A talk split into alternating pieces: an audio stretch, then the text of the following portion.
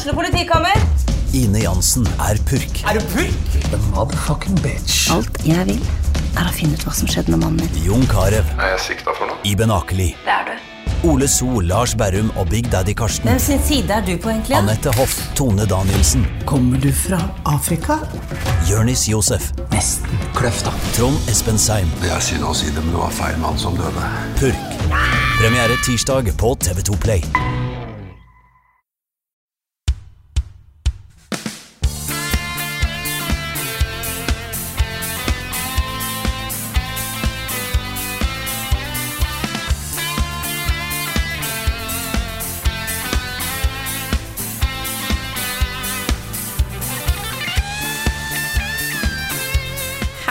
Alle sammen, og velkommen til en ny episode av podkasten Level Backup med meg, Frida Danmo. Med meg har jeg som vanlig Karl Martin Hogsnes og Rune Fjell Olsen. Hallo, folkens. Hello. Hello, Frida. Dette er vel den første eller podkasten der vi faktisk spiller spiller på vanlig vis. På vanlig plass. Ja. Er det ikke det? Jo, det er en stund siden sist. Det er Ja. en god stund siden sist. Det er det. Men jeg, jeg må starte med å si at uh, um, det har skjedd noe stort i livet mitt. Jeg har eh, da blitt fullstendig uh, forandra for alltid av en podkast jeg har hørt, som jeg også er med på å lage selv. da Ja. Men eh, det er liksom når jeg hørte den podkasten, så forsto jeg liksom for første gang eh, betydningen av spill og dens plass i samfunnet og, og sånne ting, og tok det veldig og så, Jeg forsto virkelig og så Hele livet mitt tok en ny retning når jeg hørte denne podkasten som jeg laget selv. Det var da en referanse til Nei, det var en referanse til David Cage, som på Twitter la ut eh, en veldig eh, sånn dyptfølende og Jeg har den ordrett her, skal jeg bare sitere Ja, gjør det. gjør det Dut, dut, dut. Ja. Han skriver da Detroit Become Human changed me forever. It proved to me that video games didn't have to be about killing people. They could evoke complex themes and subtle emotions. Resonate differently with different people. Yes. David Cage. Om sitt eget spill, som han har laget Ja, på Twitter. det er så herlig, ass. Det er sånn jeg ble så evig forandra av dette spillet som jeg lagde. Og det spillet som jeg lagde, beviste for meg at spill kan være noe mer. Og emotions. Og Og emotions. emotions. Det er Ja, sånn, beste- du, kan ikke, du kan ikke lage en parodi på David Cage, vet fordi det er liksom, han Det gjør det bedre sjøl. Det er akkurat Ja, ja. sånn som Vy, eh, eh, Vy Travel og Vy-gruppen. Ja, ja, ja. Det er sant. Den beste, mest presise responsen på den Twitter-meldingen var da fra Scott Benson, som heter Bombs Fall på Twitter. Han som lagde Night in the Woods, blant annet. Stemmer. Uh, I too have been forever changed by the brilliant game I made. Yes. Nei, det var herlig også. Ja. Altså, det, er, det er mye bra i Detroit, Uh, så det er ikke sånn Det er ikke, det er ikke um, Mener ikke å snakke dritt om det, men det er bare, bare en sånn herlig måte å se på noe man sjøl har lagd på. Det er måten å Ja, si det på. Ja, altså Ikke bare det, men også bare å ignorere alle andre spill da som ikke handler om å drepe folk, som har kommet siden 70-tallet, liksom. Ja, ja, det er det jo, for det virker ikke som man har spilt så veldig mange spill. Nei, det er akkurat det. Kan jeg bare kan vi, vi, vi ser litt historisk på dette her, da. Spill som ikke har handla om å drepe folk. Pong. Pong, for eksempel. Pong, kan du starte der. Vi kan starte der. Det var sikkert Ja. noe før Pong òg, vet du. Ja. Den der- Nei, også, Hvor du klistrer på på TV-en. ja. Der var det sikkert noen sånne spill som ikke du skulle drepe noen. Nei, I David Cage sitt forsvar da, så, så snakker han jo om spill som øh, eh, fremmaner følelser, ikke sant? Altså, Pong er jo fremmaner konkurranse, instinkt og presisjon og belønning og sånne ting. Ikke emotions, ikke sant? Men det har jo kommet massevis av spill der også, opp Ja, ja. gjennom åra, liksom. Ja. Som eh, Ja. Herlig, herlig, herlig. David Cage, ass.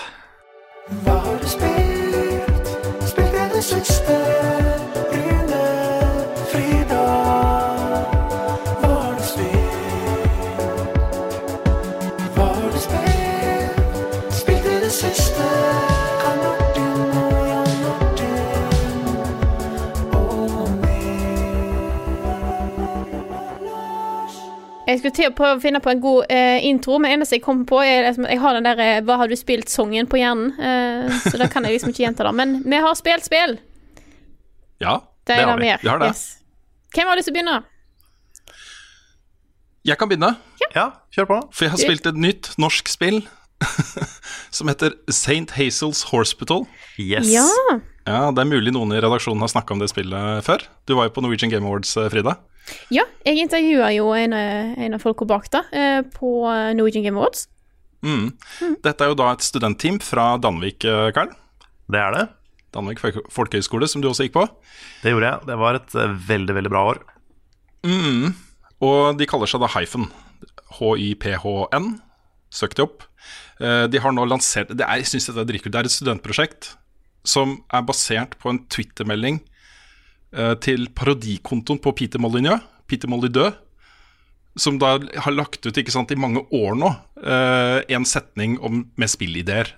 Litt sånn basert på den derre uh, myten da, om Peter Molyneux som skriver ned en spillidé på en serviett, ikke sant, som den ene villere enn den andre, og noen av de blir den av, og noen av de blir det ikke av. ikke sant? Dette er- ble da basert på at du skulle bryte deg inn på et sykehus, men twisten er at du er en hest. Og det er spillet. Du Ja. kommer liksom Du er en hest, du kommer til sykehuset og skal redde kompisen din som har uh, forvilla seg inn på dette sykehuset. Uh, og så vil ikke legene slippe han ut, og så viser det seg at hesten, kompisen hans er jo også veldig syk. Så han trenger å være der, men legene behandler han ikke og tar han ikke på alvor. da. Så det er stealth-spill hvor du spiller en hest som skal bryte seg inn på et sykehus. Og det er jo et studentspill. Jeg må bare få sagt det. Også det er et studentspill. Ikke forvent deg liksom Triple A her. Men det er mange gode ideer. eh, mye bra humor. Og det funker. Også det, du kan spille det, og jeg har ledd liksom flere ganger. Eh, jeg syns det er morsomt. Så um, ja, koster ikke så mye. Er på Steam. Jeg vil anbefale å ta en kikk på det, altså. Så- Ja, jeg fikk jo en, eh, fikk jo en eh, liten kode, jeg òg. Så Mhm. jeg skal definitivt ta en titt på det. Men er, det, er kompisen din også en hest, eller er det Ja, bare du som kompisen er er en hest? også en hest. Ja, ok, så det er to hester. Ja. Mm. Men de på sjukehuset er ikke hester. Nei. Nei. Nei. Der er det mange gamle mennesker eh, og syke mennesker, og så er det også da leger. Og hvis du blir eh, fanget av legene, så er det liksom game over. Så du må lure legene. Du må enten uh, trampe på dem, eller lure de over bananskall eller sånne ting. da. Eh, få kanskje noen av pasientene på sykehuset til å distrahere dem mens du sniker deg forbi som en hest. Ja. Og så for- en av mine Jeg er veldig glad i wonky måter å gå på. Det er derfor jeg var så glad i Pikuniku. Her òg går beina til hesten litt sånn i alle retninger når han går. Jeg synes det er helt herlig. Det er helt nydelig. Ja, det er kjempebra. Nei, et herlig sånn lite, hva skal man si, en sånn frisk pust da, i en spillhverdag som for min del inneholder en del ting som er litt sånn svære og altoppslukende, alt liksom. Kommer det da et spill om en hest som skal bryte seg inn på sykehuset. Jeg syns det var en, en veldig fin greie, også. Og jeg har veldig sansen for, eh, for teamet, også respekt for teamet, det de har gjort. Også et studentteam på skolen har satt seg ned, lagd et spill som er ferdig, som funker, lansert det på Steam for penger. Folk kan kjøpe det og spille det, ikke sant? Hvis jeg husker rett når jeg snakka med disse her, så var det eh, en del av et prosjekt der de på en måte skulle lage et slags eh, De skulle på en måte lage noe og lansere det, på en måte ha reklame for det alt. Så det på en måte eh, Så de hadde liksom plan for hvor, når de skulle gjøre ulike ting, og de skulle lansere det. Så det var ordentlig på en måte planlagt eh, opp, opplegg, da. Så det Mm. mm. Nei, Jeg syns dette her også er en fjær i hatten til Danvik, fordi um, um, man, ofte så ender jo studentprosjekter opp som ingenting, eller som prototyper, eller som ting som er veldig bugga eller ikke funker og aldri blir lansert, ikke sant. Men at det har gått hele løpet, sterkt også. Veldig bra. Gratulerer, folkens. Bra jobba. Gratulerer. Og Når vi er inne på Danvik, da, så er jo en annen fjerde hatten til Danvik. Det er jo at de, eh, de har hatt en elev som forandra mitt liv ganske, ganske mye. Det er jo meg. Ja, nemlig deg selv. Ja. Ja. Mm. Ja, det blir en sånn podkast i dag. Ja, det blir en sånn Ja. podcast. Vi skal komme tilbake til det gang på gang. Jeg må også nevne uh, Jeg har jo ikke spilt Destiny 2 på evigheter. Det er sikkert halvannen til to måneder siden sist jeg var liksom, gjorde noe aktivt i Destiny 2. Men denne uka her, på Reset, så kom det jo en ny Quest som var basert, også inspirert av og basert på det de gjorde med uh, Whisper of the Worm-questen for en stund siden. Og Whisper of the Worm er jo den beste sniper-rifla i spillet, sånn required for mange bosser og sånne ting. Uh, og den questen i seg selv var råfet. Denne questen er like bra. Det er et nytt våpen. Jeg har ikke tenkt å spoile hvilket våpen det er. Uh, Det er mulig. Vi har sett det i Destiny-sammenheng før. Hvor du måtte først gjøre Du måtte først finne et hemmelig område i et sånn heroic mission. Eh, og så måtte du finne masse greier rundt omkring på forskjellige steder. Seks forskjellige ting. eh, basert på hint da, eh, i en sånn ting du hadde. Og så måtte du inn i et oppdrag hvor det var timelimit på 20 minutter, og sjukt kraftig motstand på et sted som bare får deg til å glise, liksom. Og, med en setup og en design som er megabra. Så dette er liksom to timer av um, Også en to timers greie som er fantastisk, og som en sånn separat ting. Så kan man fortsette å spille uke etter uke, for det er jo en egen sånn catalyst, som de kaller det, som gjør våpenet enda bedre. Akkurat som med Whisper of the Worm. Da må du spille tror jeg, det samme missionet på Heroic da, i seks uker. Altså seks resets. eh, For å få den endelige versjonen. Seks uker i strekk. Eh, I seks uker i strekk trenger du ikke gjøre det. Nei, nei, nei. Nei, Men det er veldig vanskelig, så, så du må være et godt koordinert team og samarbeide godt og uh, sørge for riktig, riktig loadout og alle de tingene som jeg elsker med det spillet her. Uh, og det var en uh, herlig opplevelse. Så ja. Har de sagt noe om neste svære expansion ennå? Ikke dato, alle tipper han kommer til sommeren. Det vil komme et nytt raid med det. Ehm, og det spekuleres i om det kanskje er en ny dungeon også. Men eh, den store nye greia blir vel til høsten. Sikkert september som vanlig. Også en sånn svær Comet-utgivelse, som de kaller det. Uh, men det alle venter på nå, er jo vel egentlig Destiny 3. Eller hva gjør de, liksom? Uh, når de skal starte fra scratch, som uh, eiere av hele merkevaren og alt på egen hånd, da, uten Activision. Så jeg forventer meg ikke noen sånne store radikale endringer på spillet før det skjer. Uh, Hjulet er på en måte allerede i gang. De jobber med ting og har jobba med ting en stund. Så ja. Men det var et eh, veldig hyggelig gjensyn. Jeg kan jo Ja. nevne, jeg, um, bare for å gjøre det kort Jeg har ikke spilt så mye i det siste, og det er to grunner til det. Den ene er det at jeg på mandag hadde min siste eksamen ever noen gang, så jeg er veldig fornøyd med det. Eh, Great. så Det er awesome, Frida. Takk. Forandret det livet ditt for alltid? Den Da gjorde flotte eksamen den, du tok? Ja. eh, den eksamensbesvarelsen jeg gav, mm. eh, forandra faktisk livet mitt for alltid. Ja. Mm. Ja, det Den, det du skrev på Diarka, det, Ja. det, ass. ja, det var mesterverk, ass. Ja. Nei, um, det er den ene grunnen. Den andre er at jeg fysisk ikke har kunnet spilt spill. Og da er den enkle grunnen at jeg driver og flytter, så jeg har pakka ned alt jeg har av utstyr. Kobla fra hverandre, alt med PC-en min. Så fram til jeg har flytta i helga, så kan ikke jeg fysisk spille noe. For jeg har ingenting å starte spill på, rett og slett. Nei. Det du må sånn- gjøre, du må, du må skaffe deg et sånt VR-headset som du kan sitte med i bilen, i flyttebilen. Ja. Og så kan du spille mens da flyttebilen kjører. Det er eh, life hack. ja. Det er sannsynligvis jeg skal kjøre, litt kjøre bilen noen ganger. Det blir kanskje litt uh... Nei da, Nei, det går bra, Frida. Det går bra. Det går nok fint, altså. Ja, ikke, ikke, ikke kjør bil med VR-headset. Plutselig så kommer vi i avisa for at vi oppfordrer deg til å gjøre det. Ja. Nei, så det er litt, er litt den flyttesituasjonen akkurat nå. Men over helga det kommer mye bra spill nå framover, så jeg, jeg gleder meg. Gleder meg til å få rigga opp alt og kunne, kunne sette meg ned og spille litt, altså. Da blir det Herlig. Yeah, Det skal, jeg, eh, skal jeg ta en uh, liten, liten, på hva jeg har spilt? Kjør på. Jeg har ikke kommet så langt i det, men jeg har, eh, etter å ha fått veldig veldig mange anbefalinger fra veldig mange, bl.a. Jostein i Radcrew, eh, så har jeg endelig hørt på de som sier at eh, ja, men hvis du skal spille Nino Kuni 2, så må du spille Dragon Quest også. Eh, Så nå har jeg begynt å spille Dragon Quest også. Altså Dragon Quest 11 på PS4. Kommer jo en Switch-versjon, men det er ikke før så mye seinere i år, tror jeg. Som har eh, orkestermusikk litt sånne ting. Så den ville jeg egentlig vente på, men så gadd jeg ikke å vente lenger. Så nå har jeg begynt, så jeg er ca. fire timer ute i Dragon Quest 11. Og har sånn Førsteinntrykket er at det er veldig tradisjonelt for sjangeren. For meg kanskje litt for tradisjonelt. Jeg All the det. tropes. All of the tropes. Jeg liker det veldig godt. Jeg kan jo liksom Spoiler alert, men dette er liksom Nå, kommer litt sånn tidlig story. Men det begynner med at du er uh, the chosen one. Og du vokser opp i en liten landsby sammen med en childhood friend som det er litt romantisk undertone med. Så du har den. Og så må du da reise, forlate byen din, eh, møte kongen. Og så blir du satt i fengsel. Ja. Og så skal du rømme fra fengsel. Og så møter du en fyr i hette som skal hjelpe deg å rømme. Og det er liksom Det er jo alle RPG-stories. ja.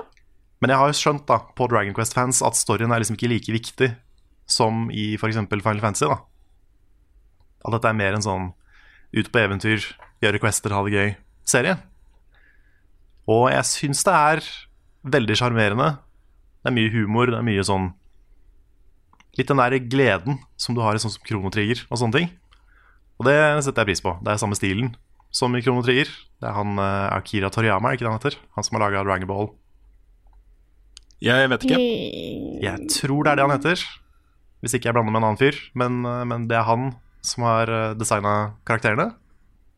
Og det er en veldig veldig fin visuell stil. Jeg håper at spillet får litt mer ved seg. Altså litt mer mechanics. Litt mer som gjør at det skiller seg ut. Fordi akkurat nå så Jeg har, jeg har spilt veldig mange japanske rollespill. Og jeg tror jeg har kommet til det punktet hvor jeg trenger noe litt annerledes for at jeg skal liksom ta den investeringa i 50 pluss timer da, i et spill. Så Sånn som Octopath Traveler, Persona 5 Det er så mange bra eh, JRPGs som har gjort nye, kule ting. Så hvis det spillet her er helt tradisjonelt hele veien, så er det ikke sikkert det er for meg lenger. Og det er litt sånn trist uh, å tenke det, fordi jeg er jo veldig glad i den sjangeren. Men jeg, jeg har kanskje spilt litt for mange av de. Ja, det her blir litt sånn partypooper av meg. Jeg var litt partypooper på streamen også, jeg beklager det. Jeg beklager Ja. det. Men jeg så jo da deg spille det i to timer, og det var, jeg så ingenting som fenga meg. I det hele tatt, liksom. Men det er, det er ikke min sjanger. Og det er liksom jeg, Det er ikke ment å pisse på sjangeren eller på folk som liker det spillet, eller noe sånt. Men uh, jeg har sett på en del fra Final Fantasy uh, 15, f.eks., som jeg syns så kjempespennende ut. Og så uh, bra, da. Som jeg har tenkt at å, dette her kan det hende at jeg kanskje hadde likt å spille, ikke sant. Men jeg fikk ikke noen sann vibber av det spillet her, altså. Nei, altså det har jo fått kjempebra kritikk fra nesten alle jeg har sett. Så det, er jo, det, det må jo være noe som tar seg opp her, tenker jeg da. Men uh, Og jeg er, ikke, jeg er ikke negativ, jeg vet jeg høres litt negativ ut nå, men jeg, er ikke, jeg, liksom, jeg syns det bare er helt ok foreløpig. Men jeg håper at det tar seg opp. For nå er det såpass mange som har sagt at dette er amazing, så nå håper jeg at det stemmer. Hvor eh, lang tid skal du gi det, Karl? Jeg skal i hvert fall gi det Jeg skal i hvert fall få spilt i ti timer. Hvis jeg da fortsatt er lunken, så kan det være at jeg legger det fra meg til jeg har litt bedre tid og kan liksom ta meg litt Litt bedre tid med det, da. Mm. Men Det- eh, ja. ja, nei, det, altså, det, det har liksom alle ingrediensene jeg liker. Jeg bare Jeg trenger den lille ekstra tingen. da Jeg håper den kommer.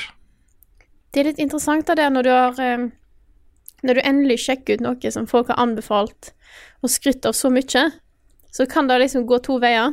Enten så er det sånn 'Å ja, jeg skjønner hvorfor folk anbefalte det', eller så er du på en måte forberedt på at ting skal være bedre enn det det er.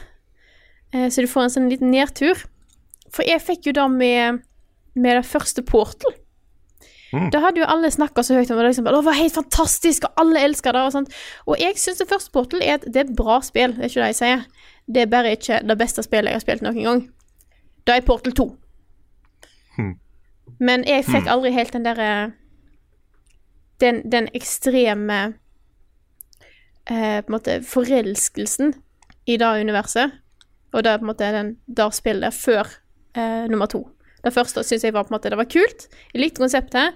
Eh, bra laga, men jeg fikk ikke den helt sånn der altoppslukende greia. Det kan jo være fordi det var en del år Jeg spilte det jo etter begge to hadde kommet ut. Um, Nå tror jeg at jeg kanskje føler meg litt sånn som Jostein føler seg hvis han sitter og hører på den podkasten her nå. Nei, litt sånn, altså Portal er jo, var jo Ikke sant? For Ja. meg Ja, Men jeg også er uh, mer glad i Portal 2, altså. er jeg mest glad i Portal 1. Så det er Så du ser Det, det er liksom Det handler både om på en måte hva som eh, Hva en, en ser etter i et spill. Hva som på en måte er de tingene i sånn type spill som du liker best. Eh, og kanskje òg på en måte hvor, hvor, du, hvor du er om du går helt blindt inn, eller om du på en måte har hypa deg sjøl for mye opp på forhånd. Nå var jo også Lanseringen av Portal, Portal 1 var jo veldig spesiell. For den ble jo lansert i det som ble kalt The Orange Box fra Valve.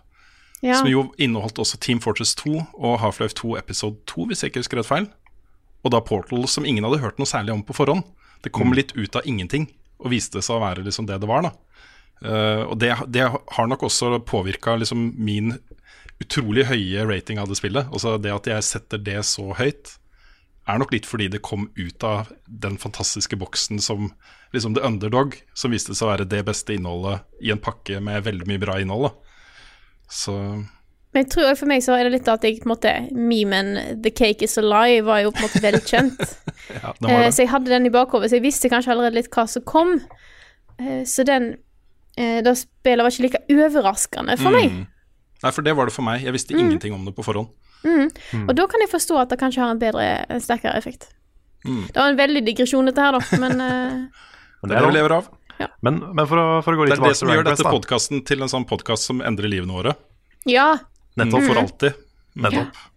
Men, men for, å, for å gå litt tilbake til Dragon Quest, da, så er det veldig veldig mye jeg liker. Jeg må bare liksom understreke det. At jeg syns ehm, Jeg syns liksom stemningen i det og oppbyggingen, måten questene funker på, er veldig, veldig bra. Det har en litt sånn der lekenhet som ikke Final Fantasy pleier å ha. Og det setter jeg litt pris på. Final Fantasy er mer den der eh, litt sånn mørke, ofte litt sånn eh, introspektive sånn 'Hvem er jeg?' Type greia. Mens eh, dette er mye mer sånn ut på eventyr, hurra. Litt sånn som å starte en, en Pokémon Quest. At man Har du skal fått liksom et ut kall? og fått et kall, ikke sant? Ja. Og fange noen drager som ikke bor i en ball. Eller noe. Nei. Jeg vet, ikke, jeg vet ikke hvor dragene kommer inn ennå. Jeg har møtt én drage i Dragon Quest, men vi får se. Men, eh, men nei, jeg har jo ikke spilt noen Dragon Quest-spill før. Så jeg visste jo ikke helt hva jeg skulle forvente, men jeg har jo skjønt at det er litt sånn light-hearted Final Fantasy-type ting, da. Og hvis de noen gang eh, lager en remake av Krono Trigger, så er jo den stilen her den perfekte måten å gjøre det på. Det hadde blitt det beste spillet ever. Men eh, nei, jeg håper, jeg håper det blir litt mer, kommer litt mer dybde inn i kampsystemet. Eh, Jeg håper at storyen tar seg litt opp, selv om jeg har skjønt at storyen er liksom ikke det man skal se mest eh, fram til i det spillet her. Ellers så er det liksom Det er bra. Men jeg, jeg bare trenger noe ekstra, og jeg håper det kommer. Det var en ting jeg eh, la merke til under streamen i går, som jeg tror at jeg på en måte Hvis jeg hadde satt meg med dette spillet her, som jeg tror jeg hadde savna. Eh, og da er å ha Carl til å lese opp dialogen i kok med cockney accent. Da er Ja. mm. Ja, men det er faktisk eh, når det er voice acting, og det er voice acting i de fleste sånne store cutscenes, eh, den er veldig bra. ja ok. Der har de gjort eh, Spiller du på engelsk? Jeg vet ikke om du kan spille det på japansk eller ikke. Litt usikker. Men de har jo gitt Altså de har gitt alle veldig sånne varierte britiske aksenter og diverse ting. da Og det funker kjempebra. Så veldig, veldig bra voice acting. Og veldig fin musikk, men et veldig stort men. Dette er jo den versjonen som ikke har orkestermusikk, og det merkes. For dette er eh, det- Musikken høres veldig midi ut. Det er litt sånn Super Nintendo-fil på det, og det, det syns jeg musikk, Jeg syns musikken fortjener bedre. Så det at den orkesterversjonen først blir patcha inn på Switch, jeg syns de kunne tatt seg, tatt seg tid til å gjøre det til å begynne med. Jeg eh, Det var Jeg, jeg husker opp gjennom tida når, spill begynte å få liksom ordentlig orkestersoundtrack. Så jeg er alltid litt sånn misfornøyd hvis et spill, la oss si stort RPG, ikke gikk for orkestersounden, men heller gikk for den midi-filen. Og det er en ting jeg på en måte glemt litt ut i det siste, for at de fleste sånne har orkester-soundtrack. Mm. Det, det er noe annet, altså. Nei, nei. Og nå sier jeg ikke at alt skal være orkester, for jeg er glad i en chiptune her og der og alt mulig rart, liksom. Men i et sånn type stort spill, så er jeg alltid eh, Så er jeg nesten alltid for orkestermusikk, altså. Mm. Det er nok, eh, I Dragon Quest er det nok et bevisst valg også. Fordi de går jo veldig for den derre klassiske Jeg tror filosofien er litt den der videreføringa av SNES RPGs. Sånn at de skal lage moder moderne versjoner av det vi fikk på Super Nintendo, liksom. Og de får jo det til, men, eh, men jeg savner de litt mer moderne tinga, altså. Ukens anbefaling. Hva skal jeg finne på? Ukens anbefaling. Hva skal jeg finne på? Ukens anbefaling. Hva skal jeg finne på? Ukens anbefaling. Da er det anbefaling som Rune skal komme med denne uka her. Ja, jeg, jeg, jeg måtte ta den denne uka her også. Forrige uke var det ikke en ordentlig anbefaling. Um, men uh, nå har jeg sett noe som jeg har virkelig lyst til å anbefale for folk å se. Uh, og utgangspunktet her er da en uh, ny dokumentar på Netflix som handler Som tar utgangspunkt i det politiske systemet i USA og hvor fucka det er. Eh, rent spesifikt at alle de som blir valgt inn til den amerikanske kongressen, er i lomma på uh, big corporations. Altså eh, farmasøytiske selskaper, uh, forsikring, banking, alle de store olje, alt det her, ikke sant? NRA. Ikke sant. Og det at det også påvirker policyen som utføres av myndighetene i USA, og ikke alltid i folkets beste interesse. Det er utgangspunktet for dokumentaren. Den handler egentlig om grasrotbevegelsen som ønsker å endre dette her, kjempe, og kjempe mot dette systemet. Og Da er det særlig to uh, organisasjoner. Den ene heter Justice Democrats, Democrats, og den andre heter Brand New Congress. Uh, det de jobber med, er å reise rundt i USA og finne kandidater som kan bytte ut de eksisterende kandidatene uh, når det er valg, til Kongressen i USA, Senatet og, og Representantenes eh, hus.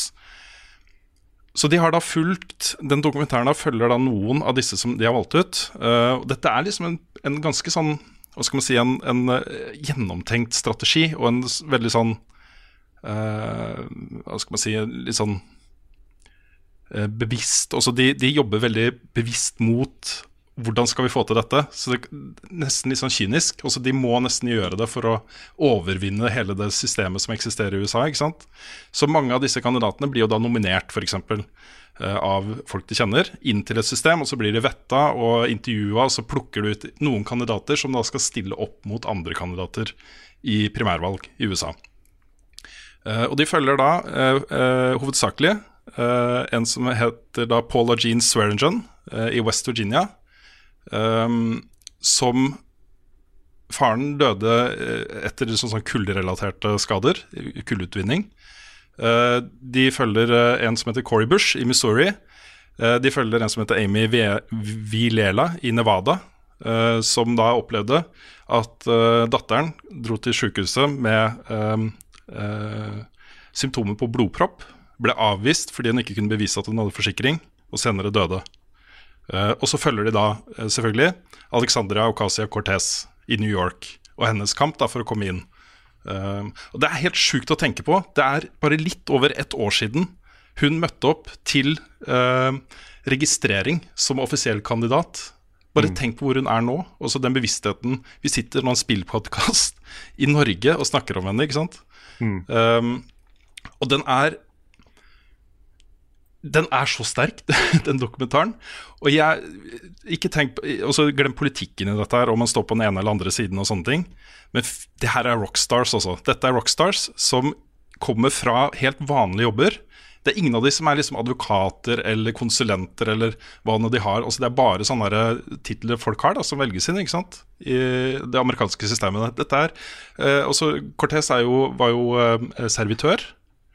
Eh, folk har liksom helt vanlige folk da som kommer inn for å endre systemet og nekter å ta imot penger fra eh, big corporations. Og det, det er jo litt sånn derre Nesten litt sånn revolusjonær dokumentar, vil jeg si. Altså, de prøver jo virkelig virkelig hardt å endre det systemet ved å få inn folk som kjemper for folket, ikke for uh, business, ikke sant? Ja. Og jeg må Ja. innrømme at det, der kom det også en mannetåre, Karl. Ja, det gjorde det. ja. de gjorde det. Ja. Altså, du kan ikke se den dokumentaren uten å forstå at de kjemper for noe de tror så inderlig på. De er ikke i dette her for egen personlig vinning i det hele tatt. Dette handler om noe annet. Um, og det ga meg litt håp da om at kanskje, kanskje det kan skje ting med det systemet. Ja, nei, hun, eh, Alexandra Ocasio-Cortez har eh, Jeg har fulgt litt med på henne i det siste, sånn på Twitter og rundt omkring. Der, er, hun har jo helt åpenbart treffet et eller annet i folk. Hun har treffet noe Altså, jeg merker jo jeg eh, begynner jo å heie på hun Uh, og det er første gang jeg også heier på en politiker som er yngre enn meg. Det også er litt sånn wow. Hun er, jo, hun er jo for ung til å bli president, f.eks. Men uh, det, er jo, det er jo de som spår at det kanskje kan skje etter hvert. Ja, så Hun var jo da opp mot den fjerde mektigste demokraten i USA, Joe Crowley. Som eh, hadde jo han, eh, For liksom 14 år siden så fikk han bare den plassen. Han ble utnevnt til å være eh, demokratenes representant fra det valgdistriktet da, i New York. og har sen senere vært liksom unopposed. Det er ingen som har villet ta opp kampen mot han.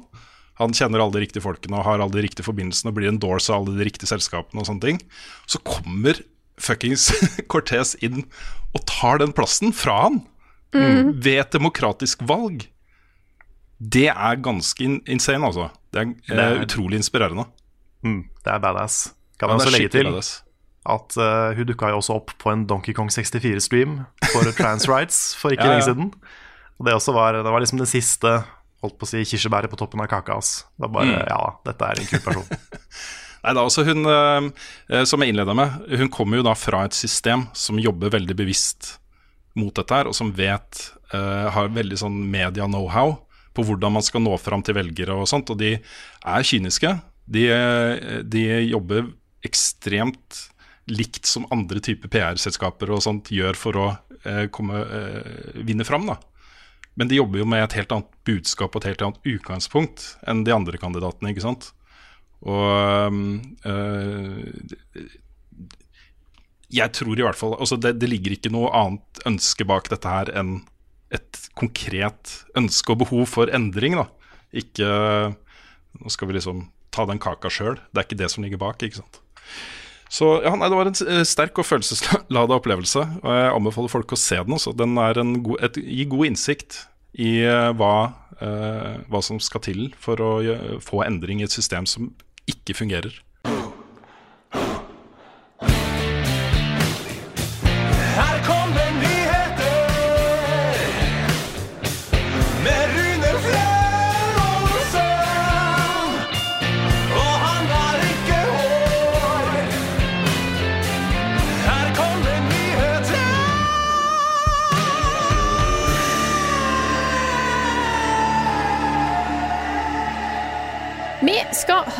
Nyheter med Rune Fjell Olsen, vær så god.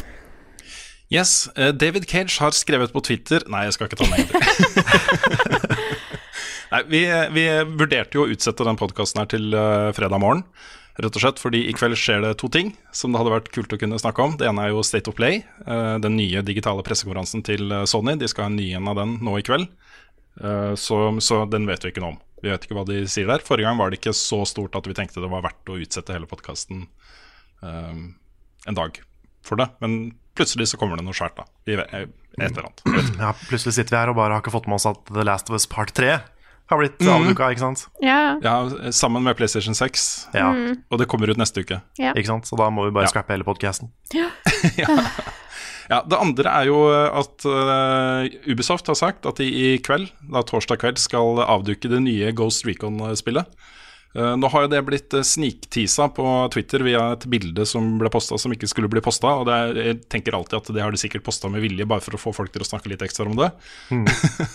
Men det vil da hete Ghost Recon Breakpoint. Eh, det kommer 4. oktober eh, til PC, PS4, Xbox One. Er et eh, co-op co-op adventure for fire spillere. Så jeg håper da Jeg håper de tar den litt tilbake til røttene. At det blir litt mer sniking og litt mindre sånne store shootouts. Eh, at det blir litt mer intens dybde i det. Så det er mitt håp for denne serien. Den har fortsatt noe for seg. Eh, men det som har blitt annonsa av nye ting eh, i det siste, er jo et spill basert på John Wick. Jeg er veldig glad i John Wick-filmene. Kommer en ny nå. Jeg skal på førpremieren på Imax her i Oslo. Gleder meg veldig. Det heter John, Wicks, John Wick Hex. Og er ikke det man skulle tro i det hele tatt. Også når man tenker noen skal lage et spill basert på John Wick, så ser man jo for seg den voldsballetten, ikke sant? Med veldig intens action og mye skyting og sånt. Dette er et veldig stilisert, eh, strategisk, taktisk spill. eh, laget av eh, Mike Bittle, som også har lagd det herlige spillet Thomas Was Alone. Og har en veldig sånn derre Rene linjer, enkel grafikk, men veldig stilig. Det er veldig kult. Det ser veldig kult ut. Eh, og det du skal gjøre i de kampene, er å gå inn, det stopper opp, du må planlegge. Først skal du skyte han, og så skal du skyte han, og så skal du gjøre sånn, og så skal du gjøre sånn, og så setter du i gang kampen på den måten. Eh, det så latterlig kult ut. Veldig, veldig kult. Eh, og det fikk meg litt til å tenke da, litt på hvordan man skal lage spill basert på film. For det har jo vært mange eksempler på spill basert på film som ikke er så bra. Og ofte så er det jo de som gjør noe annet enn filmen, som ender opp med å være de beste.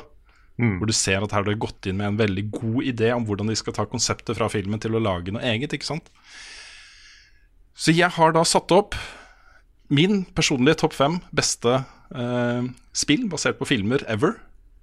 Bare som en sånn liten bonusting. Jeg begynte å tenke litt på hvilke filmspill er det jeg har likt. da Um, Så hvis, det, hvis jeg får lov, så kan jeg ta den. Du, du får lov av meg, i hvert fall. Det går greit. Går det greit, Frida? Ja. Bra. På femteplass har jeg Tron 2.0. Det var eh, fett spill, altså. Som bare fortalte en ny historie i Tron-universet, basert på liksom greiene. Og dette var jo Disney. Jeg tror kanskje det var første gangen Disney prøvde seg på liksom skytespillsjangeren. Og lagde noe som det var volley og skyting og sånne ting. Jeg har aldri hørt det blitt uttalt Tron. Nei, det var Tron. liksom Tron Tron. Ja, jeg, kanskje, kanskje jeg er for ung til å ha hørt Tron. Det er liksom Tron. ja. Ja, jeg vet ikke. Jeg kommer fra Østfold. Kan det ha Ja, noe med nei, det det, å var gjøre? ikke, det var ikke noe dømmende. Altså, det var bare, Jeg har ikke hørt det før. Nei, Tidlig 2000-tall, veldig bra spill. På fjerdeplass har jeg Aliens vs. Predator, det første. Altså det class classic-versjonen. Og særlig da Marine-kampanjen der var bare insane bra. Fantastisk.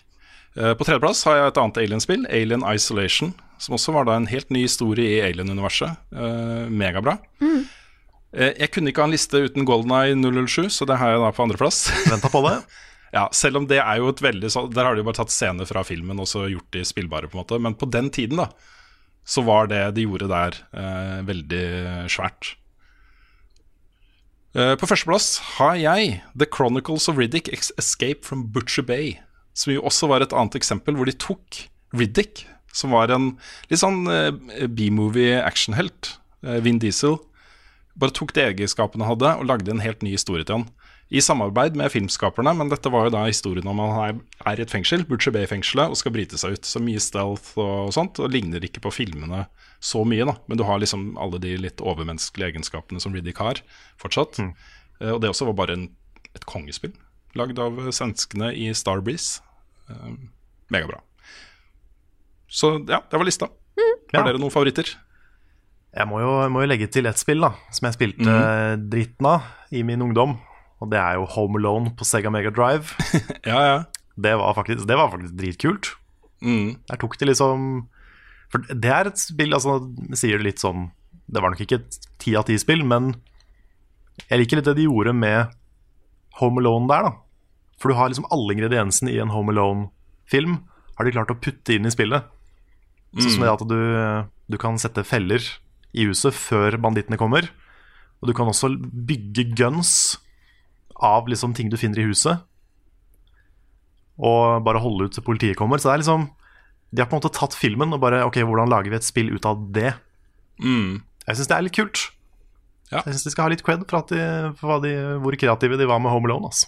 Det er mange, det er mange Mm. dårlige Home Alone-spill, men det er veldig bra. Jeg har ikke spilt det selv, men jeg har sett klassikerinnslaget du lagde. Og det Mm. så jo veldig gøy ut. Det er ikke så veldig realistisk. Så det er en del sånne der, eh, hvor, de, hvor de blir til baller og sånn. Mm. Så det har kanskje tatt den i en litt mer cartoony retning. Men ellers så er det veldig tro til filmen. Ja.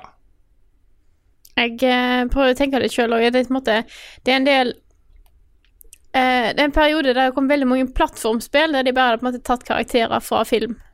Eller mer tegneserieopplegg, da, og på en måte bare lagde Eller plattformspill. Kellogg's. Ja, eller Kellogg's. Ja. Så jeg prøver liksom å sitte og tenke på hva andre spill som er faktisk basert på film, da. Jeg husker at eh, jeg hadde et eh, Monsterbedriften-spill eh, på PC, tror jeg det var. Jeg husker ikke jeg, jeg, tror, jeg husker ikke om det var et fullt spill, eller hva det var engang. Da husker jeg var helt greit. Men jeg kan huske at jeg hadde Tarzan-spill på PC som var helt amazing. Eh, så da eh, tror jeg kanskje den på en måte Det det første jeg kommer på som er bra. Ellers har jeg spilt veldig lite sånn film til spill. Spill. Ja, Ja, Lion King det må jo med på lista. Hmm? Lion King, Ja. det må, det må med på lista. Det er, eh, det, det er dritvanskelig, men det er bra. Mm. Og egentlig mange av de Disney-spillene på tidlig 16-bit. Mm. Ja, for favoritten min der er sånn på en måte ta en kjent tegnefilm, tegnefilmserie, et eller annet, og på en måte gi det til plattformspill. Der er jo Tiny Toon, uh, Busters Hidden Adventure på Megadrive hos meg. Det er jo bare et standard eh, plattformspill, så de tar de eh, Buster Bunny. Oh yeah. yeah. Mm. Jeg hadde også et Tiny Toon-spill, men det var ikke det. Men jeg spilte det òg. Men det var et på Super Nintendo som het uh, Jeg husker ikke. Nei. Men det het i hvert fall Tegnetunes. Ja. Og det også var Da kunne du løpe opp vegger og sånn. Det var veldig kult. Shit. Det var uh, amazing. Er det, er det for stretch å si f.eks. Dune, men det er jo mer basert på bøker? Ja, for i så fall så Ja. kan du liksom se alt som er sånn Spiderman og Batman òg, for det er på en måte basert, ja, basert på tegneserier. Så Det er sant. Så det er kanskje litt, litt too far. Nei, Vi kan eh, kanskje en dag lage en liste over spill basert på, eh, på andre franchises utenfor spillverdenen. ja. Så kan man jo inkludere Batman og Spiderman og alt Det, mulig rart, egentlig. an. Er det noe vi skal ha en Segway fra film til spill til spill til film? Um, eh, du tenker på Sonic, ikke sant? Ja. ja. Den står på lista, så det, jeg hadde ikke tenkt Det står noe annet foran, men vi, det var veldig bra, Frida. Takk. Ja, skulle Bra bare jobba. run with it, ikke sant? Yes. Ja, jeg skulle bare run with it. Jeg ble bare litt satt ut, for det var så Ja. Ja. uh, Sonic blir redesigna. alle klagene på hvordan Sonic ser ut i den nye uh, traileren for Sonic the Hedgehog-filmen som kommer i november, eh, har ført fram. Regissøren sier at nå blir det en ny Sonic. Jeg er så spent på hva de gir der, altså. Fordi at ja. Vi hadde jo en liten rant om dette her i forrige podkast, og nå jeg føler jeg at vi må liksom ta det nå som de faktisk har sagt de skal endre på det. Hva kommer de til å endre? Hvor mye kommer de til å endre? Kommer det til å bli verre enn det det var? Det er liksom de tre jeg har. Ja. Jeg, men jeg har også noen spørsmål om sånn Får de det til? Ja. Fordi den filmen skal komme ut i november. Ja. Å gjøre om en hel CG-figur på så kort tid, er det liksom Er det fysisk mulig? Og hvis det er fysisk mulig, er det lurt? Er det sunt? Det er ikke Da ikke skulle dere ikke ha klaga så mye i forrige uke. Det er jo fordi uh, pga. podkasten Level Backup de endrer, Ja, det er endrer design her. Det er sant. Ja, Men jeg vet, men, eh, ja, for det, det er litt sånn akkurat det vi snakka om i den episoden der. Da det endra faktisk livet mitt. ja, Ja. tror det endra livet til mange, sant? faktisk. ja. Ja, det gjorde det. Mm. Greit. Eh, Det neste jeg har skrevet på lista, er jo da bare et ord. Jeg vet ikke hvor mye vi skal gå inn på det. her står det bare gearbox. Go. Ja. Nei, nei, jeg vet ikke. Skal vi vi snakka mye om det i spilluka. Skal vi la det det. liksom ligge litt? Vi kan kanskje ta en recap, bare. Ja, da blir det fort ganske mye snakk, altså. Men øh, øh, saken er jo at eh, i en uke hvor Gearbox selv hadde tenkt at alle skulle gå rundt og snakke om den store gameplay-revealen de hadde, og at eh, streamere og youtubere har fått tilgang til spillet og sitter og lager Let's Plays og sånne ting. Det var det alle tenkte vi skulle snakke om, men det vi snakker om isteden, er jo eh, drittkasting, eh, søksmål, påstander fra tidligere ansatte om at Randy Pitchford har sneket unna 12 millioner dollar, som egentlig skulle gå til bonusutbetaling til de ansatte. At han har banka opp stemmeskuespilleren til Claptrap i en hotellobby, er jo påstanden. Altså det er bare masse sanne ting, da. det er jo et sirkus uten like dette her. Ja, det er det. Ja. Jeg vet ikke hva mer det er å si. Det er liksom bare wow. Det er fascinerende å på en måte sitte og se på. Ja, det er litt sånn eh, train wreck. Men uh, vi går da litt mer i detalj på uh, hvem som sier hva og sånne ting uh, i spilluka, som vi la ut på tirsdag. Så kanskje folk bare kan oppsøke den på YouTube-kanalen vår og se hvis de er interessert i mer info. Ja. Jeg Eller? har et, jeg har et TV-seriekonsept. Ja? Er dere klare? Ja? Vi tar alle CEO-ene til de største liksom, selskapene innenfor spill og plasserer dem på en liten øy sammen. Og så skal de leve sammen, overleve eh, og jobbe sammen, og så skal de danke hverandre ut hver uke. Det, det er en million dollar idé. Kanskje ja, kan, det hadde vært kult, altså. Hvis jeg lurer unna litt 12 millioner, 12 millioner dollar, så kan jeg lage det. Ikke sant? Ja. ja. Ja. Nei, sånn Delvis relatert til dette, her da, altså hvordan selskaper styres og sånn, så pågår det nå eh, masse debatter om eh, arbeidsforholdene i disse store selskapene. Um, med overtid og crunch og um, hvordan de behandler seksuell trakassering og den type ting. Da. Det er masse diskusjoner om hvordan eh, de som jobber i spillbransjen, faktisk har det. Uh, jeg, jeg håper jo at eh, eh, alle de diskusjonene kan føre til en bedring. Da. Det, er, det er mye greier der, liksom. Du skal ikke behøve å bli banka opp av sjefen din i en hotellobby, f.eks. Nei. Det er greit å kunne unngå det, altså. Ja. Ja. Jeg syns det. Altså, nå er det, jeg vet ikke hvor mange ganger jeg har blitt banka opp av Rune på VG, men det, Men det er noe annet. VG, hotellobby. Ja, ja. Ja, Vi hadde jo også fotosession. Martin, husker du han som var fotograf for uh, flere av sesongene uh, Ja, ja, i studio? Tok jo en sånn bildeserie med oss. Det var jo egentlig bare Det tok jo ett minutt, hele serien. Men det starter veldig hyggelig at vi står litt sånn der morske med rygg mot rygg og drikker kaffe og sånt. Og så bare blir det mer og mer, og så til slutt så ser det ut som jeg skal slå deg ned i den serien. da. Ja, ja. Mens du er sånn, sånn fake uh, opprørt. ja. Vi hadde en sånn ting gående helt i starten, hvor du var Ja. han eh, strenge, skumle sjefen, og jeg var han som ikke visste hva jeg skulle gjøre. Så det, det, var ikke, det var ikke helt sånn på ordentlig, altså. Nei, det var ikke sånn på ordentlig i det hele tatt. Sånn har det aldri vært. Eh, Dead Cells kommer til IOS i sommer. Hey. Yes, og Android senere. Det er jo et uh, veldig bra spill. Jeg vet ikke helt hvordan det vil funke på mobil, men Nei, på øh, touch mm, det, Da ville jeg heller spilt det med kontroll, i hvert fall. mm. Det er et kongespill. Ga det ni av ti i fjor. Men uh, vil nok Kan det hende det har reworka combat-systemet for touch, at det er mer sånn Jeg vet ikke. Kan være, Ja. men uh, Kanskje. Jeg er skeptisk. det blir spennende å se, i hvert fall. Om det funker. Lov å være det- skeptisk. Og så er det det da jo, det fins jo USB-kontroller og sånn til uh, Ja, det gjør det. Ja. Så bruk det i så fall. Ja, det er mange som har det nå. De spiller jo Fortnite og PubG på mobilen. Og da er det mange Mm. som sitter med mus og tastatur til og med og spiller på mobilen sin. Det er sant. Og den siste saken er kanskje egentlig den største nye saken. Jeg bare sparte den til slutt. Mm -hmm. uh, Telenor-ligaen blir Telia-ligaen. Ja! Det er jo Ja. uh, De påstår jo selv da, at det er mye mer penger og en mye større satsing, og nå kan de satse da i Norden. De skal utvide til Sverige og Danmark, eh, hevdes det. Så gode nyheter for, for den ligaen og det systemet der. Veldig, veldig kult. Kommer Ruen sin standup på DVD, eller? Jeg selger et guttenavn. Hva er det du kaller sitt? Hvilket språk snakker Frida egentlig? Hvorfor er Mario rørlege?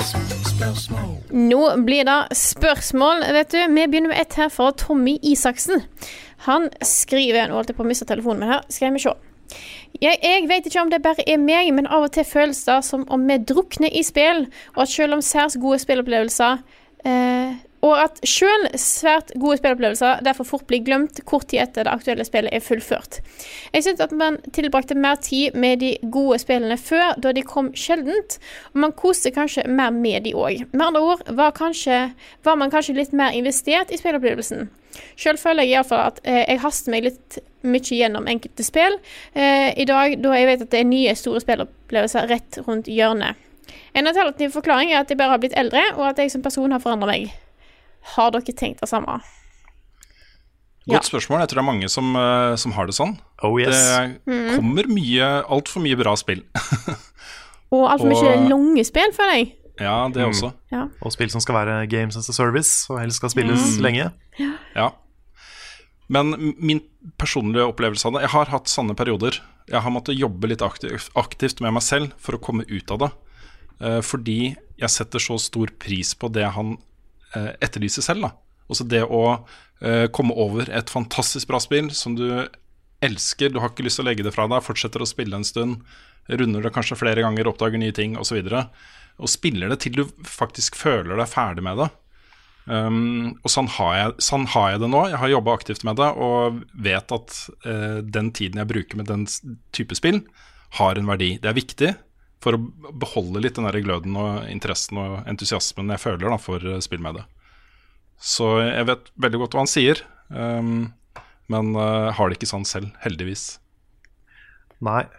Nei, for, for min del, så jeg husker jo på en måte da jeg var veldig liten, så spilte jeg jo spill i hjel, og det var fordi jeg ikke hadde så mange spill. Jeg levde på liksom ukelønn fra mamma og pappa og kunne ikke kjøpe så mye, så da spilte jeg jo de spillene jeg hadde, liksom. Men uh, de siste åra så er det kanskje også en ting som jeg dømmer spill litt ut ifra, om de er minneverdige eller ikke. For det er mange spill som er bra og underholdende mens man spiller de, og så legger man de fra seg, og så har man glemt de etter en uke. Mm. Men så er det andre spill da, som blir med deg videre. Og som kanskje vokser med, med litt tid. da. Mm. Så det også er jo en litt sånn relevant del av hvor bra et spill er, syns jeg. For det er jo òg da ehm, Hvis du tenker tilbake da på hva eh, spill du kan huske fra liksom Fra noen år siden Tenk bare sånn, Ja, det var så mange gode minneverdige spill, men det er fordi at du kun husker de som var minneverdige. Eh, Det er sikkert masse andre spill du har spilt innimellom. Eh, når jeg plutselig innser sånn Å ja, shit, har jeg spilt det? Ja, stemmer, da spilte jeg jo. Da kan jeg ikke huske at jeg spilte, men jeg syns det var bra der og da. Så det kan være rett og slett en bare sånn effekt av at du får ting på avstand. Eh, jeg ser ikke at dette er den eneste begrunn- altså eneste forklaringen, men eh, det er lettere å på en måte tenke tilbake igjen og huske ja, jeg husker jeg spilte da eh, bare liksom skikkelig minneverdige spill, for at det minneverdige er de som faktisk sitter igjen, som du husker. Men det er jo Det er jo veldig, veldig mange bra spill. Og det er synd hvis man havner i den der rush-mindsettet hvor du vil liksom bare videre, for da kan det ødelegge for opplevelsen. Men jeg tror også mye kommer an på spillet. altså. Mm. Det at uh, Night in the Woods vokste så mye på meg etterpå, mens andre spill så glemte jeg de med en gang. Mm. Det, det er noe der kvalitetsmessig som gjør det. Men det er litt den der uh, stresset man føler da over at det kommer et nytt spill som får eh, ni av ti, ti av ti, Mm. Og som man har lyst til å spille. Og så er man kanskje ikke helt ferdig med det andre spillet man spiller, og som man også elsker. ikke sant? Og så tenker man at ok, hvis ikke jeg får spilt det nå, så kanskje jeg glemmer det, og så får jeg ikke spilt det, Og så blir man stressa, ikke sant. Og så føler man at man må jage videre. Ja. Så det er handler mye om å bare jobbe med den følelsen, tror jeg. nå At du må liksom ok, bare ta et skritt tilbake og si at du kan vente med dette spillet til litt seinere, gjøre deg ferdig med dette spillet. Og tror du får Og så innse da at du ikke får spilt alt. Ikke sant? Ja, ja, litt det der å velge sine kamper, på en måte. Ja. At du bare du må bestemme noen spill på forhånd. At dette her skal jeg bruke mye tid på. Hvis du skal spille Persona 5, så burde du nok velge bort en del andre ting, f.eks. Mm. Ja. Og bare liksom, nå skal jeg ta meg god tid med Persona 5, spille det til jeg er ferdig med det, og så går jeg videre til veien jeg har mest lyst til å spille da. Mm. Jeg tror det er på en måte eh, Av og til så man bare på en måte det, det det kommer for mange spill, rett og slett. En kan ikke få med seg alt. Og det er jo òg en effekt av at et spillmediet vokser jo eh, som industri. Så det vil jo komme bare flere og flere spill som forhåpentligvis òg er, er gode. Så jeg tror Mm. at med på en måte da at spillindustrien blir større, så blir da kan det bli et mer problem da, at en ikke får spilt alt en har lyst til. Det er jo noe jeg har Ja. følt veldig på, de liksom, som spiller med, eller det er, my det er mye jeg har lyst til å spille med, så det er ikke er tid til alltid. Det er mye jeg har gått glipp av også. Eh, må nesten ta et relatert eh, spørsmål fra Jostein Krogerud, eh, som lurer på hva vi syns om gjenspillbarheten i Sekro. Han sier at han følte ikke noe da behov for å spille det mer etter at han har runda det en gang. Syns det var bra. Men der er jeg helt motsatt.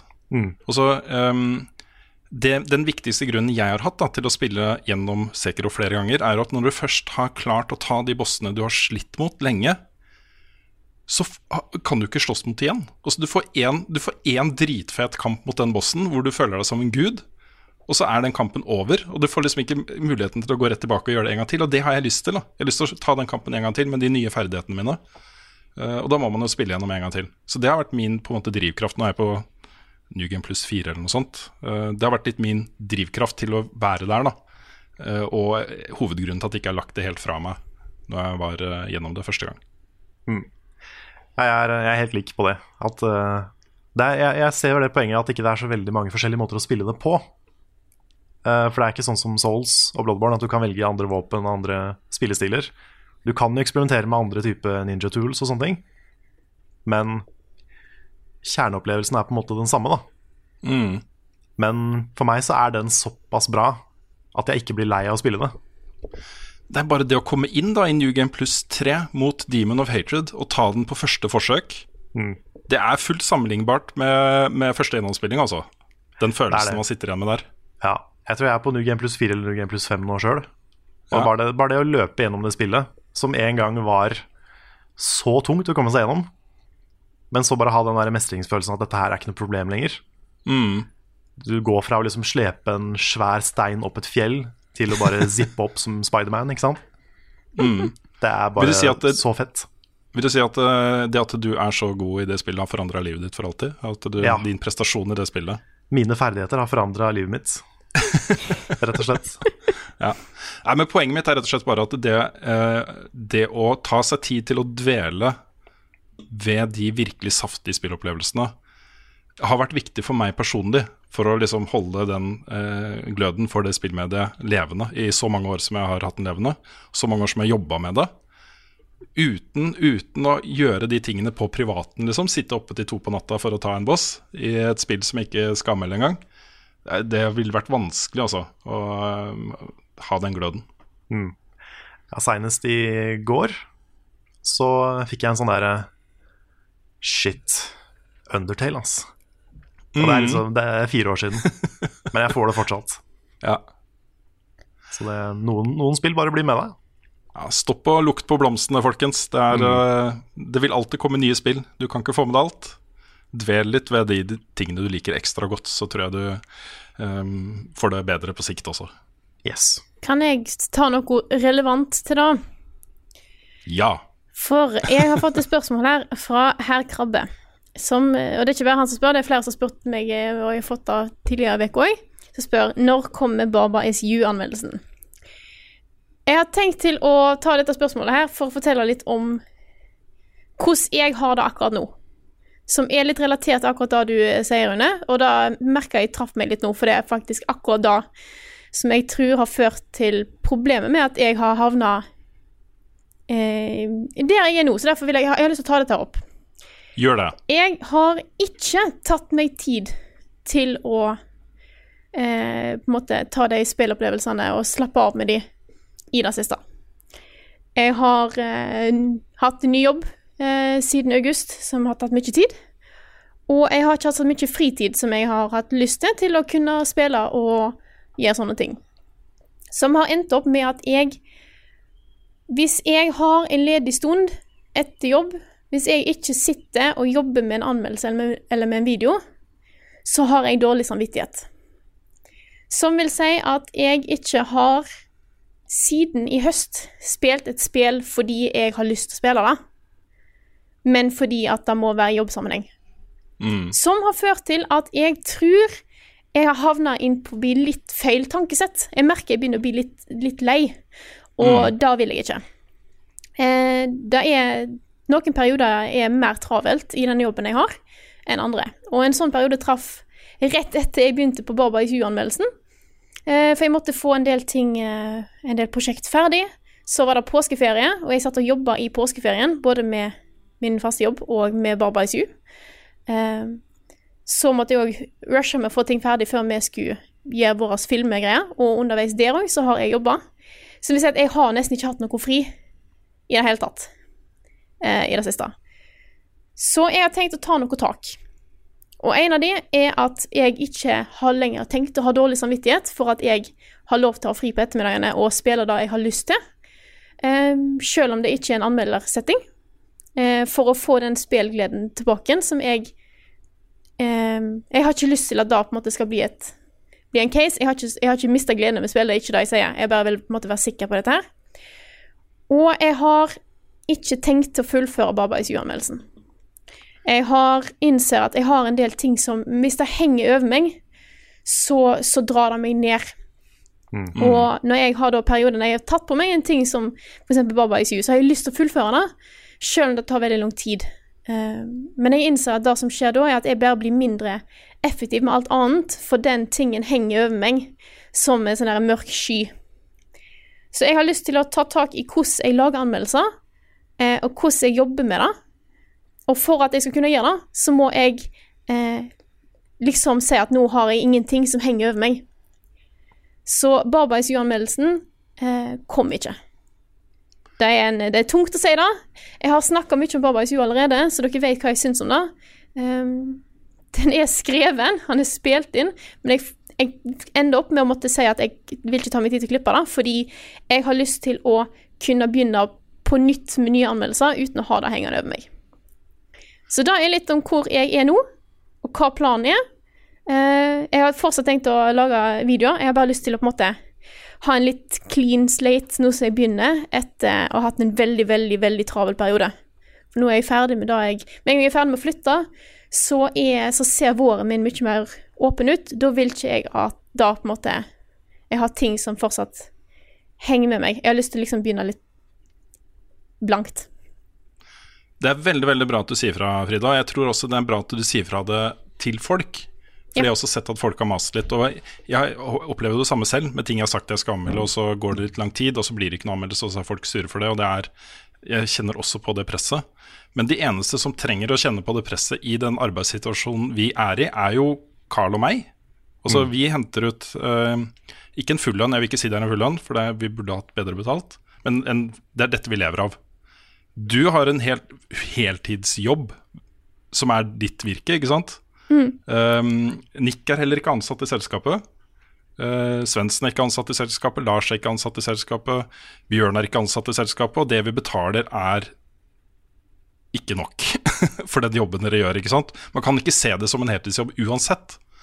Um, så for vår del så er jo de bidragene som kommer fra deg og fra Nick og uh, Svendsen og, og sånt, er jo eh, et utrolig hyggelig bonus. Uh, og det er viktig for oss at det er en del av familien. Men det presset kan ikke dere føle på. Dere har andre ting å gjøre. Um, og det er, sånn, sånn er det bare. Og jeg håper at folk slutter å mase og skjønner at uh, døgnet bare er 24 timer, og du er en person, og du har en jobb, og skal gifte deg, og det er masse andre greier som skjer, ikke sant? Ja. Så det, det, dette er jo Jeg er jo fullstendig klar over at dette er et press jeg har lagt på meg sjøl. Og det er derfor jeg har lyst til å på en måte finne ut hvordan jeg kan, for min egen del, eh, få et mer Finne ut den, rett og slett den balansen da, mellom, Mm. eh, og, mellom eh, de to jobbene jeg har. Eh, Ja. For eh, jeg har ikke lyst til å jeg, jeg har ikke lyst til å bli utbrent, og det er derfor jeg tar tak nå før det blir et problem.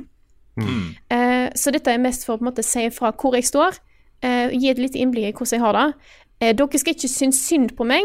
Eh, det er ikke, altså dere hører på, det er ikke derfor jeg sier dette. her. Jeg bare sier hvordan det er, eh, og litt hvordan det faktisk er å jobbe med en lidenskap. Hvis det ender opp hvis, på en måte, Hvordan det kan føles hvis du merker at lidenskapsjobbinga kanskje blir for mye press og jobb. Mm. Det, jeg tror ikke at uh, jeg, Altså, da å på en måte du, du må ha et Jeg tror det som eksempel du sier, Rune, med å på en måte ta den litt avstanden fra på en måte spill som jobb, og på en måte nyte det på privat og i tillegg, er veldig viktig for å unngå at det skal bli på en måte sånn at du blir utslitt av det. Mm. Så det Mm. grepet har jeg tenkt å ta nå. Jeg har fortsatt tenkt å lage innslag. Jeg skal bare finne ut hvordan jeg kan få den balansen på en god måte. Mm. Det var en liten rant. Ikke en rant, liten, uh, liten lang uh, Men det er, det er veldig viktig å ha et bevisst forhold til de tingene her. Det er jo, Man hører jo om sånn YouTube-burnout uh, stadig vekk. Det er jo kjempevanlig. At folk som, og det er veldig typisk for de som jobber med ting de brenner for. Jeg merker det veldig ofte sjøl, at jeg, jeg merker ikke alltid at jeg blir sliten når jeg jobber med noe som jeg er veldig interessert i. Og det er litt skummelt hvis man har sånne intense perioder hvor man bare jobber og jobber, og jobber, og man brenner veldig for det, og man vil bli ferdig. Og hvis ikke man jobber med det, så får man dårlig samvittighet fordi man vil så gjerne få det ferdig. Og vil vise det til noen, man vil at folk skal se det, man vil at det ene og det andre. Men når man blir så engasjert at man ikke lenger merker hvor mye det tærer på energien, da kan det bli farlig, og da, det er sånt som veldig fort gjør at man blir utbrent. Mm. Og det er veldig veldig viktig å ha et bevisst forhold til. Mm. Jeg er ikke så god på det sjøl, men det er, det er kjempeviktig. Ja, jeg er ikke så god på det sjøl heller. Og så tror jeg, tror jeg det kan være litt lett for folk å, å um, se for seg et annet type selskap enn det vi er. da. Altså det, det selskapet Vi produserer så mye bra, og du produserer så mye bra, Frida. Og Nick produserer så mye bra. Alle som jobber med oss, produserer dritbra greier. Men vi sitter jo hjemme hos oss selv og jobber. Vi har ikke fast kontor. Vi har ikke liksom eh, midler til å betale nok til frilansere. Vi skulle gjerne henta inn flere frilansere. Det er mange ting vi skulle gjort. da. Eh, og da kan det fort bli sånn at man tenker Frida jobber heltid for level up. og det gjør det jo ikke. Ikke sant? Det, det kan du ikke gjøre heller. Um, så det må folk vite. Så det er bra, det, bra du sier fra. Det er bra vi snakker litt om det også. Ja, det er derfor jeg tenkte jeg skulle ta det opp. Uh, bare for liksom eh, dere, hvis, hvis, jeg, hvis jeg bruker veldig lang tid på et innslag, så er det lov til å spørre hvordan det ligger an om det kommer. Da, er- da syns jeg er helt greit. Eh, så jeg tar ikke dette her opp eh, som en ting som jeg aldri igjen spør meg når innslaget kommer. Det er mer for å på en måte si at eh, Barbergsyke kommer ikke, og det er, en, det er en grunn til det. Og eh, det, ja. Ikke være, ikke være nervøs for meg. Det går fint. Jeg eh, bare må rett og slett bare finne den balansen min. Mm. Og så er det en ting som vi uh, har snakket litt om, da, som vi burde bli bedre på, det er kanskje det å snakke litt mindre om ting som kommer. Ja. Fordi uh, da setter vi jo liksom folk litt opp for å bli skuffa hvis ikke det kommer. Ja, det er sant. Og, vi er jo, og det er også litt fordi vi er så gira på ting, ikke sant? og da vil vi gjerne fortelle folk at ja, jobb med dette her, kommer til å bli dritbra, vi gleder oss til å vise det fram, og sånn og sånn. Og så skjer det noe, og så blir folk da skuffa hvis ikke det går. Mm. Så, så det burde vi kanskje gjøre litt mindre av. Ja. Men jeg har tenkt å ta et spørsmål som er litt relevant i tillegg. Det er bare et relevant spørsmål her. Det er fra Tommy Sakariassen som spør Er A Plague Tale Innocent et spill dere kommer til å følge opp. Eh, og skrive en og anmelde. Og anmelde, det skal jeg ikke si noe på. Men dette er grunnen til at jeg nå sier at nå begynner jeg på liksom Nå skal jeg, jeg skal begynne et nytt liv. Det kan du nesten si at den podkasten her har endra livet mitt. Um, og da er det at jeg er ferdig med å flytte nå i helga. Som vil si at når Plague Tale Innocence kommer ut 14., så er jeg klar til å spille det. Jeg kommer ikke til å vente fordi at jeg har andre ting å gjøre, som jeg har gjort før, fordi at jeg på en måte det har ting hengende over meg. Nå skal jeg spille da, og jeg skal kose meg, hvis det er bra, selvfølgelig. Men ja. Vet, vet du hva, Frida? Som din da øverste sjef, sammen med Carl, du får ikke lov til å anmelde det. Bare spill det for kos. Det går fint. Ja, så jeg Yes. tenker at jeg tar den. Jeg har eh, bedt om å få review-kode også, så eh, jeg håper det løser seg. Men eh, det, jeg, også- i, i like måte, jeg gleder meg så til å spille det spillet. Mye Mm. mer enn det andre spillet som kommer den 14., som er Rage 2. Den tar nikk. ja. Så, Yeah. ja. Men Plague Tale Innocence er jo et uh, spill som um, Altså Det er ikke direkte action, på en måte. Du, du kan på en måte kontrollere rotter og sånt. Det er mer sånn puzzle action adventure-spill. Hvor du styrer en jente og broren hennes, tror jeg det er. Gjennom et sånt krigslandskap. Mye stealth og puzzles og oppgaveløsing og sånt. Og det ser veldig, veldig bra ut. Mm. Yeah. Mm. Da gir jeg ordet videre til dere. Vær så god. Spørsmål. Ja. Skal jeg ta et? Ja. Det kan du. Jeg har et spørsmål her fra Jon Aaby. Han sier hei, nå som Sonic og Pikachu blant andre har blitt eh, og blir å se på film, er det andre spillfigurer dere kunne tenke dere å se bli gjort til film? Og er det no også noen filmer dere kunne se gjort om til spill? Vi kan i hvert fall ta det første. Jeg uh, har fortsatt tro på en Zelda-film, jeg. Tror det kunne vært kult. Blir ikke det en TV-serie, eller var det bare et uh, rykte? Jeg tror det bare var et rykte. Ja, ok. Netflix-rykter. Hmm. Kanskje et Nintendo Cinematic Universe som jeg ser folk har drevet og Mm. posta rundt omkring. Ja, det er vel eh, linka til Smash, er det ikke det? Jo, The Smash yeah. Cinematic Universe. Mm. Det skulle ikke se noen prøve, jeg vet ikke om det blir bra, men, eh, men i hvert fall en Zelda-film har jeg tro på. Mm. Med riktig regissør og i det hele tatt.